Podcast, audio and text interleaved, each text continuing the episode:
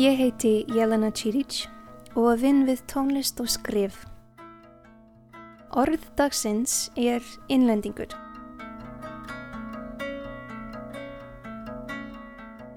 Hvorki Íslendingur nýja útlendingur heldur innlendingur. Það er ekki líklegt að þú hafir heyrt þetta orð áður, kæri slustandi. Því það er nýjirði sem ég bjó til fyrir stuttu síðan en það kom til eins og flest orð gera. Til að ná utanum eitthvað sem ég átti ekki orð til að lýsa. Í þessu tilfelli var það staða mín í íslensku samfélagi.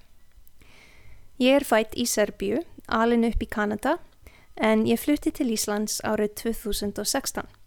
Síðan þá hef ég stundum verið spörð hvort ég sé Íslandingur. Því hef ég alltaf svarað neytandi. Þó að Ísland sé heimili mitt finnst mér ég ekki vera orðin Íslandingur en þá. En ef ég er ekki Íslandingur þá er bara eitt kostur í bóði fyrir mig að vera útlandingur. Það er sannarlega rétt lýsing á mér en samt fannst mér alltaf orðið útlendingur ekki segja alla söguna hvað varðar líf mitt á Íslandi og sjálfsmynd. Það trublaði mig líka að þessi tvö orð, Íslendingur og útlendingur, gefa til kynna tvo anstæðinga, tvo aðskilda hópa jafnvel. Því Íslandingar og útlendingar eru alls ekki aðskildir í íslensku samfélagi, heldur blandast þeir saman og svo er til fólk eins og ég sem er einhver staðar á millihópan að tvekja og fólk sem tilheyrir báðum hópum. Þess vegna bjó ég til orðið innlendingur. Það orð finnst mér ná utanum veruleika minn. Þó ég sé ekki af íslenskum uppruna, þá á ég samt heima á Íslandi, tala íslensku og er partur af samfélaginu hér. Ég raun meira en nokkru öðru samfélagi. En í mínum huga eru innlendingar ekki bara fólk eins og ég sem hefur sest að á Íslandi, heldur einnig þeir af íslenskum uppruna sem búa í þessu landi. Það fallagasta við þetta orð, innlendingur, er að það tengir okkur öll saman sem búum hér í staðin fyrir að skilja okkur að. Ef þú átt heima á Íslandi, þá er þú innlendingur.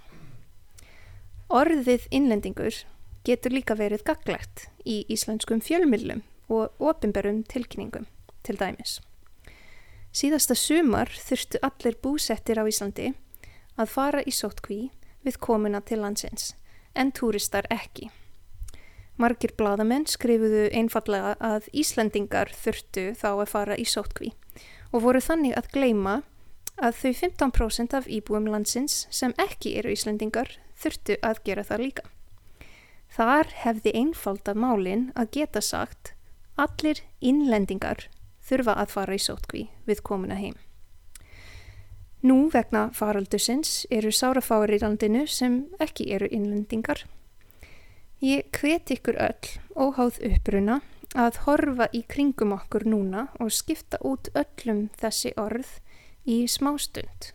Orðunum Íslandingur, útlendingur, innfylgjandi, innfætur, skipta þeim út fyrir orðið innlendingur og aðhuga hvort og hvernig það breytir hugarfarinu.